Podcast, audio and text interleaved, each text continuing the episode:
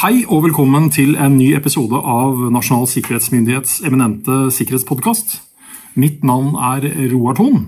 Og I dag skal vi gjøre noe som vi ikke har gjort før. For ikke bare skal vi prate, men vi skal filme mens vi prater. Eh, og En av årsakene til det er at vi ønsker å sette et ekstra søkelys på noen temaer som er veldig viktige, fordi det er oktober, det er nasjonal sikkerhetsmåned. Og Et av de temaene vi ønsker å sette søkelys på i dag, det er hva kan ramme oss av digitale hendelser? Forstår vi egentlig fullt ut hva som kan ramme oss, og hvordan trusselaktørene går frem for å lykkes? I vår nye rapport, som er kommet nå i oktober, Helhetlig digitalt risikobilde 2020, så beskriver vi noe av det som rammer samfunnet, virksomheter og oss som enkeltpersoner. Til å hjelpe meg med å snakke litt mer om det her, så har jeg fått med meg to veldig gode kolleger. Så velkommen, Reni og Jørgen. Og Reni, eh, kort litt om deg selv. Ja, jeg heter Rene Telje. Jeg jobber i Nasjonalt cybersikkerhetssenter her i NSM som strategisk analytiker. Ja.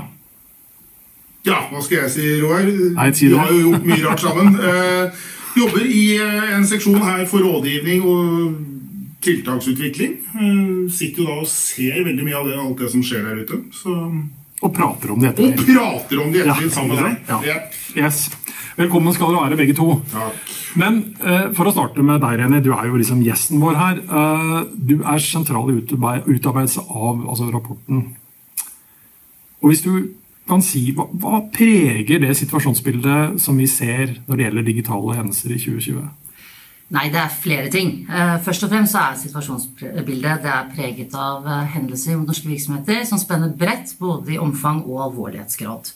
Så ser vi også ulike utviklingstrekk, selv om aktivitetsnivået i år er det som stort sett har blitt normalbildet de siste årene. Et utviklingstrekk er bl.a. at hendelsene blir mer sofistikerte, de er mer komplekse, og hendelseshåndtering er tid- og ressurskrevende. Og så er det også viktig å påpeke at vi håndterer jo de aller mest alvorlige hendelsene som skjer i Norge. Det er jo mange hendelser der ute som skjer hele tiden, eh, som ikke rapporteres inn til oss.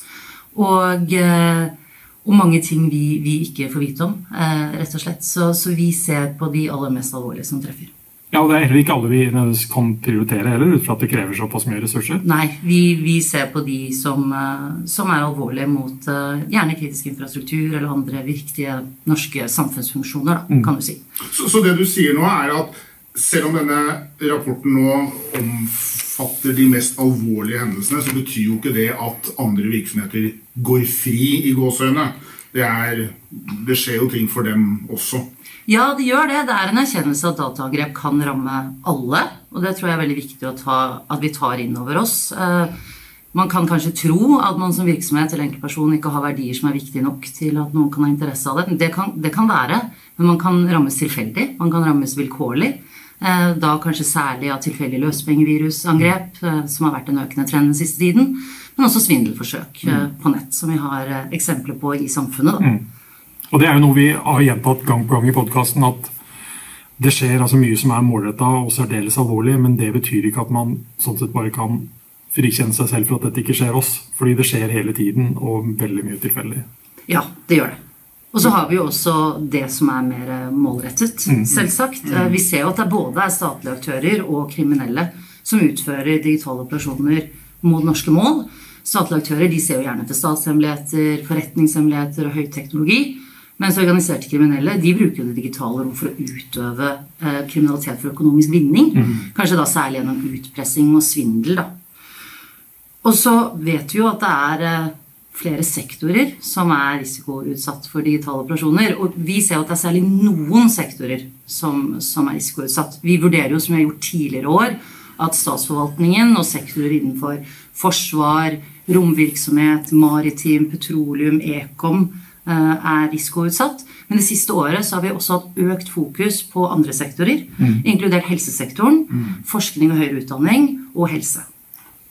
For man kan kanskje ikke si at, no, at det er én sektor er helt fritatt for dette. Det er, vel, eh, det er vel en risiko for at det skjer ting i absolutt alle sektorer, men noen er mer statistisk sett mer utsatt enn andre. Ja, det kan, man, det kan man kanskje si, men det er veldig viktig å påpeke at alle sektorer er risikoutsatt. Og det er jo som en direkte følge av den økte digitaliseringen. Vi ser jo f.eks. at noen sektorer kan være under økt press pga. ekstraordinære situasjoner, som f.eks. covid-19, som vi sikkert kommer tilbake til eh, i dag. Og vi ser jo at verdiene i økende grad befinner seg i det digitale domenet. Dette gjelder jo på tvers av alle sektorer. Og så ser vi også at avhengighetene mellom sektor og funksjoner bare blir sterkere. Så, så, alle sektorer er jo sånn sett risikoutsatt. Ja, og i og med at man sånn sett på en eller annen måte er i forbindelse med hverandre digitalt, så, så må vi ikke altså legge skjul på at det er fullt mulig for altså, aktører som driver langsiktig målrettede ting, å komme seg inn steder hvor man kanskje ikke sånn umiddelbart skulle tenke hva sluttmålet er. Ja. Men altså at man bruker bare ja, veiene. Ja, vi ser jo det her i NSM, at virksomheter som ligger lenger ned i verdikjedene, som vi gjerne kaller det, Mm. kan utsettes for sikkerhetstruende virksomhet. Enten som et mål i seg selv, men også noen ganger som et mål for å nå høyere opp i verdikjeden. Mm. Eller det egentlige målet, da. Og leverandørkjedeangrep, hvor man rammer en, en tilgrensende virksomhet av et egentlig mål, det har også forekommet i Norge.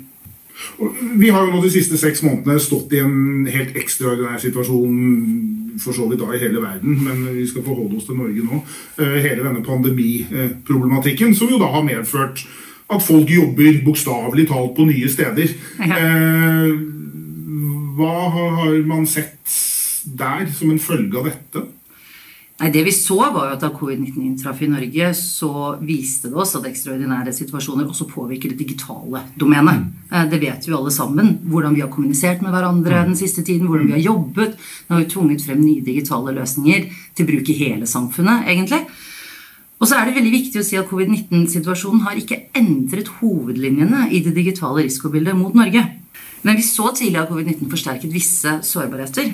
Eh, Vi så at aktørene utnyttet covid-19-tematikk både i svindelforsøk, men også i digitale operasjoner som eh, covid-19-tematikk i phishing-forsøk f.eks. Og det rapporteres jo ikke bare egentlig av oss og, og andre partnere av Nasjonalt cybersikkerhetssenter, men også internasjonalt. Og så så vi at enkelte sektorer med viktige verdier det ble satt under økt press som, som en følge av situasjonen. Og det er jo gjerne sektorer hvor operativ evne og funksjonalitet er helt kritisk. Og dermed kan disse sektorene også bli mer sårbare for ondsinnede operasjoner. Så det førte til et, et økt behov for årvåkenhet og bevissthet rundt eh, IKT-sikkerhet. Ja, altså Bare et nytt, eh, nylig eksempel nå. Eh, og det er, jo, det er jo synd å si at man egentlig har gått og slags ventet på det, men eh, det er ikke så lenge siden det ble rapportert fra Tyskland at et uh, løspengevirus retta mot helsesektoren faktisk da angivelig skal ha ført til altså, tap av menneskeliv. Ja. Eh, fordi man ikke er i stand til å levere altså, de normaltjenestene man er, eh, pga. at man er rammet til dette. ja, og da kommer man jo i en ekstrem situasjon. Så, man- så, så egentlig da, så kan vi jo si at vi ut ifra en sånn krisetankegang så har vi jo kommet egentlig ganske godt ut av pandemien. Altså Det kunne ha gått betydelig verre, men vi har sett betydelig altså, ja, utnyttelse av situasjonen. Ja, vi har sett, vi har sett utnyttelse av et mulighetsrom Ja. eh, som følge av, eh, av situasjonen. Det er jo ikke spesielt egentlig overraskende, Nei, nei. men vi har sett i stor grad at det har dreid seg om forsøk. Eh, forsøk Og at noen sektorer har vært under press. Men det vi har sett, er jo aktiv utnyttelse av sårbarheter i fjernaksessløsninger.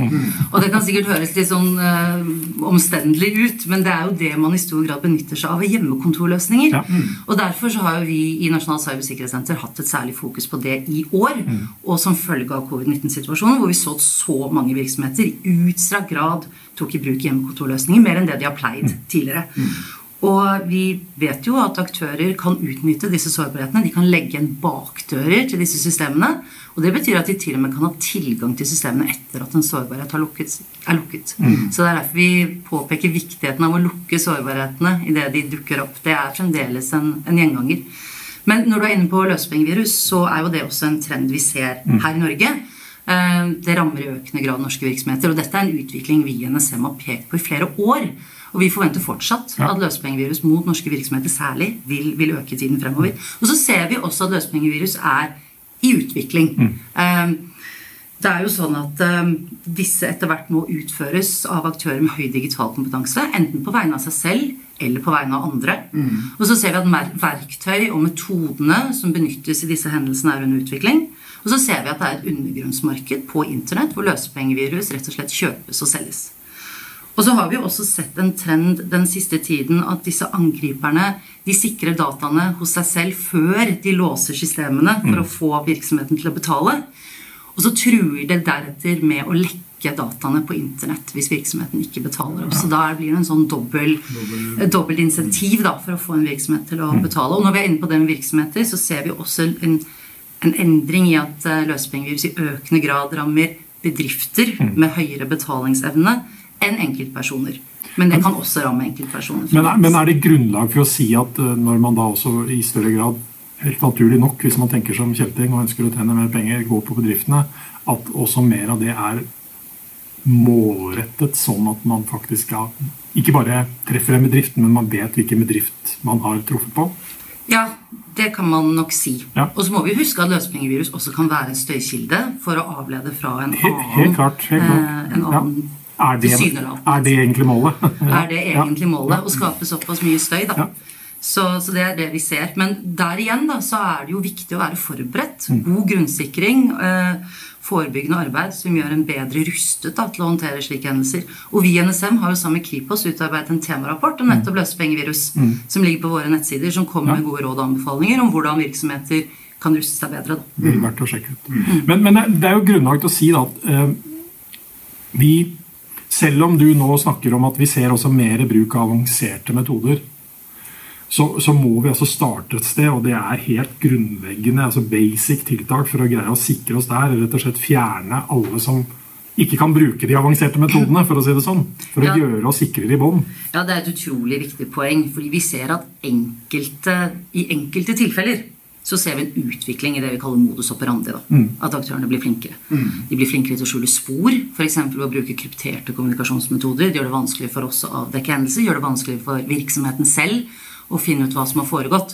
Eh, Men det er i enkelte tilfeller. Det er fortsatt sånn at det er kjente sårbarheter som benyttes for at en aktør får tilgang til systemer og nettverk. Vi ser fremdeles at direkte innbrudd i sårbare internetteksponerte tjenester er en vei inn. Vi ser fortsatt phishing-e-poster, som ofte er skreddersydd til målet. Det er også en vei, vei inn i systemene. Og dette er jo ting myndighetene og, og indus- sikkerhetsindustrien har advart om i, i flere år. Ja. Så, så det, er, det er liksom kjente sårbarheter. Det er mye av det gamle.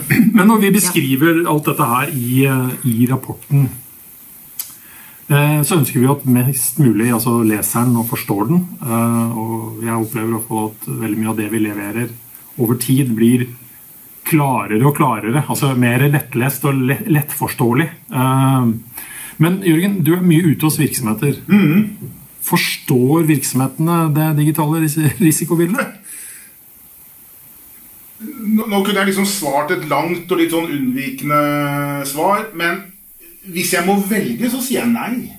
Eh, det, jeg slutter aldri å overraskes over hva kan man si gapet mellom hva man tror man driver med, og hva man faktisk driver med i det digitale domenet. Det er et eller annet med hvordan mennesker forstår en digital dings, og hvilket potensial si, for ødeleggelse som ligger på baksiden her. Det er, det er ikke gripebart. Det er ikke fysisk forståelig. Så vi bruker jo disse digitale verktøyene på en til dels litt sånn hasardiøs måte. Eh, Det, det, det ser man jo eksempel på gang etter gang etter gang. At man eh, hva skal jeg si, ikke ville ha gjort det på den måten hvis man hadde hatt en, eh, en tilsvarende situasjon i det fysiske domenet, i å den virkelige verden, hvis man kan kalle det det. Eh, Så, så- så ville man hva skal jeg si, instinktivt ha reagert på den situasjonen man står i, men i det digitale domenet så trigges jo ikke disse følelsene, og opplevelsene av fare trigges ikke på samme måte. Så da, da, da gjør man til tider helt sånne tåpelige ting som man kanskje elegant ville ha unngått uh, i det fysiske. Hvis noen ringer på døren din og liksom utgir seg for å være sjefen din, uh, og du ser at det her er noe som ikke stemmer, så, så du faller ikke for den, uh, det trikset i egen inngangsdør. Men med en gang ting skjer på en digital plattform, så er garden nede. Eh, og så blir man lurt da til å gjøre ting og, som man angrer på etterpå. Men, Ja. men hva, hva kan vi gjøre for å forbedre det? Fordi altså, det, det du forteller om nå, René, er jo at vi jo gjennom tidligere rapporter, egentlig da når du avgir på mange måter liksom 2020 nå, da, så, så, stemmer på mange måter bildet med det vi påsto for fire år, år, tilbake egentlig var trenden og hvor vi nærmer oss. Mm. Så vi har jo liksom ikke Jeg opplever ikke at vi som organisasjon bommer så veldig med hvordan vi spår utviklingen. Uh, og likevel så Et eller annet sted så, så greier man allikevel ikke å Om det er å lytte, på oss eller å forstå det i sin egen kontekst. da. Uh, og er, er det fordi at man skal ut etter kjappe løsninger. Rett og slett bare gi oss en liste over hva vi må gjøre. Og så kan man godt si at IKT grunnprinsipper er en slags liste over det, mm. men, men, det må fortsatt gjøres, og det må tilpasses mm. din virksomhet. Mm. Og det koster deg penger, og det koster tid og ressurser. Mm. Så hvor er det vi liksom Jeg sier ikke at vi feiler, men hvor feiler vi som samfunn? på en måte, ved ikke liksom bli enda bedre? Ja, nei, jeg, jeg, jeg tror det er igjen altså den derre forståelsen av hvor forferdelig avhengig vi har blitt av en digital si, infrastruktur. Og vi digitaliserer mer og mer av si, basisen vi driver butikk på. Og så skjønn, ser man kanskje ikke disse forbindelsene med en gang. Man ser dem veldig tydelig den dagen det har skjedd et eller annet. Men man ser dem jo ikke for så vidt da før det skjer. Og så vet jeg ikke om det er i den menneskelige naturen å liksom fornekte at dette er en utfordring jeg faktisk står oppe i. Mm. Kanskje fordi man ikke helt skjønner mm. at man ikke skjønner at man står midt oppi den. Men øh, overraskende mange velger liksom å neglisjere alle disse gode rådene basert på all den erfaringen vi sitter med, og som vi da gjentar mm. nærmest til det kjedsommelige år etter år etter år. Men kanskje det er fordi folk har den formeningen at de ikke vil treffe dem? Ja, det kan godt være. Og hva har jeg som er interessant? Det vil helst gå bra. Det vil helst gå bra. Og, det, det, ja, og det, det, kan jo være at man da utsettes for hendelser som ikke har til hensikt å ødelegge noe for deg. Mm. Det er ikke sikkert at man si, er i stand til å i det hele tatt oppdage at noe har skjedd. Mm. Fordi den som har vært innom og besøkt deg, ikke har hatt til hensikt å gi seg til kjenne. Så vi kan igjen da en, en, en, type hendelse som kan skje digitalt, men som liksom aldri ville kunne skje fysisk. At noen kommer hjem, stjeler et eller annet, og så er ting mm. der etter tyveriet. Mm. Og det, det, er, det, er, ikke noen grunn for at du skulle reagere på at noe er stjålet, for tingen er der fortsatt. Mm. Men i den digitale verden så er jo det fullt mulig. Du kan ta en kopi av, av ting og, og få med deg ut. Så det er fortsatt, som jeg sa i sted, det, det, er fascinerende å se hvordan man bruker digitale løsninger. Samtidig som man kanskje ikke helt er Jeg holdt på å si kvalifisert for å gjøre det. Norge er et gjennomregulert land. Mm. Det fins en eh, forskrift omtrent for det meste. Eh, mens norske virksomheters bruk av IKT har liksom sneket seg inn litt sånn uregulert på en måte. Mm. Det, du, er litt sånn på egen hånd. Mm. Eh, det fins i liten grad liksom et regelverk du er nødt til å forholde deg til, og som bringer deg inn på trygg, trygg grunn. Det nærmeste er kanskje våre grunnprinsipper for IKT-sikkerhet.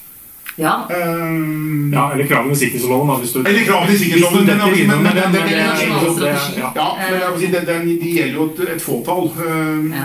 Men for hva skal jeg si, virksomheter flest så er kanskje liksom grunnprinsippet det, det, nærmeste vi kommer til en knaggrekke ja. som de kan uh, begynne hva skal jeg si, å, å, å henge tiltak på og finne sin situasjon. Men dette er jo veldig symptomatisk i og med at den teknologien har gått så himla fort. Mm. At det er akkurat som at resten av både regelverk og, og også råd og tiltak og alt det vi prøver å gjøre for å beskytte oss og nettopp hindre at disse tingene skjer, de kommer litt sånn alltid i bakkant. Mm. Og det er noe med hvordan kommer, vi, hvordan kommer vi i forkant? Fordi at den teknologiske utviklingen, den, den går ekstremt fort. Og det mm. kommer jo noen nye teknologiske ja. områder og trender vi er nødt til å ta inn over oss i større grad. Eh, i tiden fremover og se på måter å kunne kartlegge og, og, i hvert fall ha et økt fokus på i tiden fremover. På, ja, fra, fra, samfunnets side. Da. Mm. Men vi, er jo, vi som sitter her, vi er jo over gjennomsnittet interessert i sikkerhet. Og eh, må kanskje erkjenne at vi kommer aldri kanskje fullt og helt dit vi ønsker oss. Eh, men, men, vi skal jo heller ikke krisemaksimere i enhver tenkelig situasjon. For vi ser jo også forbedringer på at veldig mange jobber særdeles altså godt med dette her. Eh, men gapet er fortsatt mm. altfor stort. Mm. Så, så, vi må ikke legge skjul på at vi også rapporterer forbedringer. Absolutt. Det er i hvert fall vår opplevelse. Det er jo at mange virksomheter blir mer sikkerhetsbevisste. Og at IKT-sikkerhet særlig, eller digital sikkerhet, det tas inn på styrerommene. Og det tas opp i ledelsen, der hvor vi tidligere på en måte egentlig alltid kommuniserte med det tekniske personellet, og det gjør man jo i stor grad enda, så opplever vi jo kanskje at det er i ferd med å løftes opp på et litt høyere nivå. Og det ønsker vi jo også med disse rapportene. Å skrive på en sånn måte som, som gjør at, det er, at mange kan forstå det. Mm. Ikke bare de som sitter og jobber med IT-drift vanlig. For å forhåpentligvis få et litt større nedslagsfelt. Da, fordi mm. eh, styring er utrolig viktig. At mm. dette er noe som er godt etablert og forankret i virksomhetens ledelse. Det, det må det være for å få en helhetlig tilnærming til sikkerhet. Mm.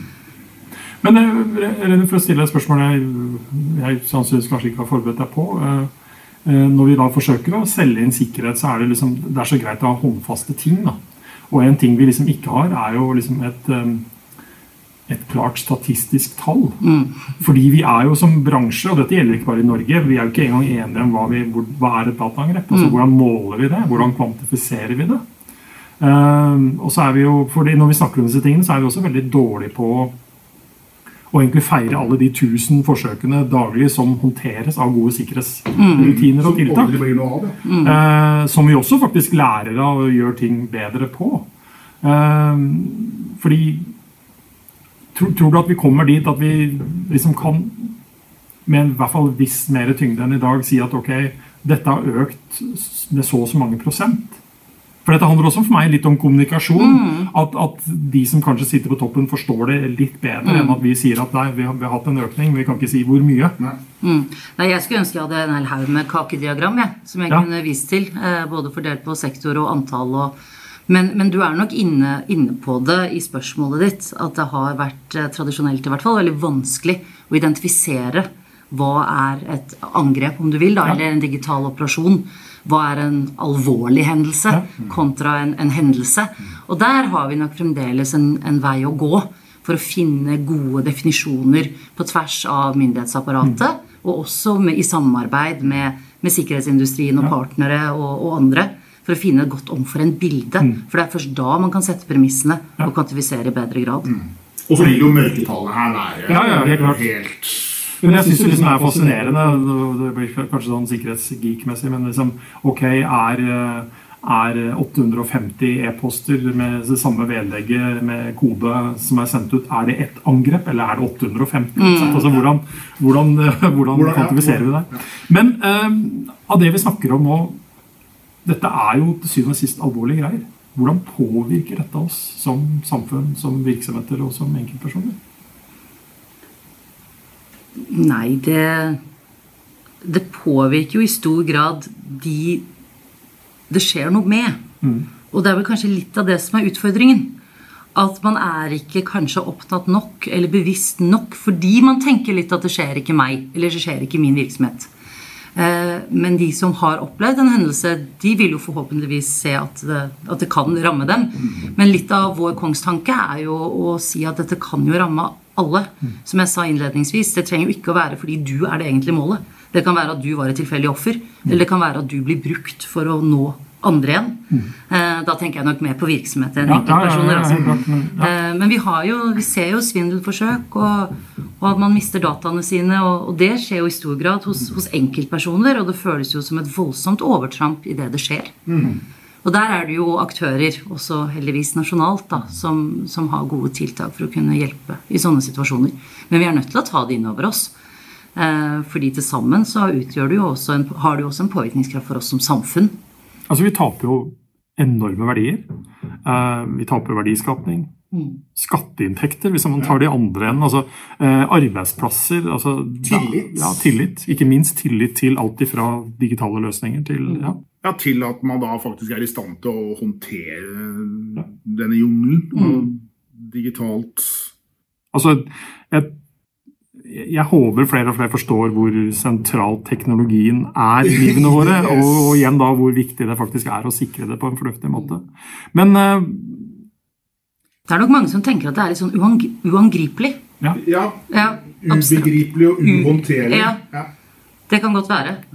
Og så Altså, tenker jeg jo dette ja. med åpenhet, da, Roar, Ja. som, du, som du har snakket mye om også tidligere. Hvor viktig det er at virksomheter kommer frem og, og sier at de har vært utsatt for noe. For det hjelper jo andre virksomheter til å kunne gjøre det samme hvis noe skjer med dem også fremover. Ja, det blir i hvert fall lettere for Ja. oss å øh, bruke relevante eksempler på at dette, dette skjer i vår egen lille andedam. Ja. Og ikke da måtte bruke litt sånne kuriøse eksempler fra langt unna. Eh, så, så det å liksom å bygge denne bevisstheten rundt at det skjer hele tiden, det skjer overalt, det skjer mot hvem som helst, er jo hva skal jeg si, den basisen vi skal, vi skal bygge denne forståelsen på. Og så må man jo håpe at den forståelsen blir bearbeidet og fører til en eller annen sånn atferdsdreining. mm. Slik at man tar dette mer naturlig, tar dette mer eh, og håndterer det på samme måte som veldig mye annet som da er øh, håndteres på gode måter i norske virksomheter. Men da, men da er det viktig å ta med en ting som vi nettopp har fokusert på litt i det siste, og det er at når, når du presenterer det du gjør, eh, og vi presenterer det vi gjør gjennom rapporten, så, så er det mange virksomheter som er rammet av alvorlige hendelser.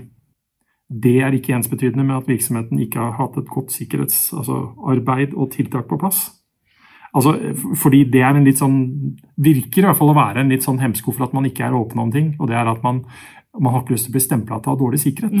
Men det er ikke ensbetydende med å ha dårlig sikkerhet og faktisk bli rammet av disse alvorlige tingene. Ja, det kan være en faktor at, at, at det faktisk skjer, men mange som faktisk gjør betydelig arbeid, blir allikevel rammet på en eller annen måte.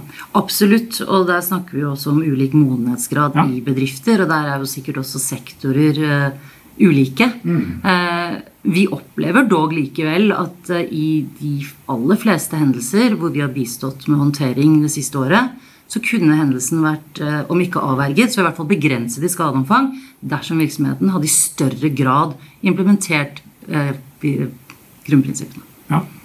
Men det betyr ikke at de ikke verken har satsa på sikkerhet og brukt betydelige ressurser, men at de allikevel sånn sett Og det, for meg så beskriver det egentlig bare hvor komplekst det er. da. For du kan gjøre utrolig mye, og så viser det seg allikevel at du har glemt et eller annet legacy-system som står og pumper og går i kjelleren som ingen egentlig visste om, og så er det der man kommer inn, og så har man hendelsen. Absolutt. Og vi sier jo også at vi opplever et sårbarhetsbilde som blir stadig mer komplekst. Ja. Så selv om vi igjen og igjen snakker om disse kjente sårbarhetene, og at eh, det er veldig lett hvis man først har bestemt seg, og, så, så det er vanskelig å sikre seg helt. Det er vel kanskje mulig. Ja, altså for, for meg så er det utopi. Vi vil alltid ha en eller annen form for risiko, og det handler også til syvende og sist om hvem som er motstanderen din. Ja. Altså eh, hvem du står overfor. For, for hvis det er noen som virkelig vil, eh, og som da verken trenger å forholde seg til ressurser, penger eller lover eller hva det måtte være, så ja, vil man kunne gjøre mye. Eh, Men, men vi, vi, jeg tror ikke vi skal slutte med den, eh, med den liksom negative delen der, fordi det er litt sånn trist å tenke på. Men, men hva, vi, hva ser man da, hva kan vi forvente fremover, da? Altså sånn eh, utover det vi er, her vi er nå? Ser vi noen Du nevner løspengevirus og sier at det kommer til å bli enda mer av. Ja, det forventer vi at vi kommer til å fortsatt se.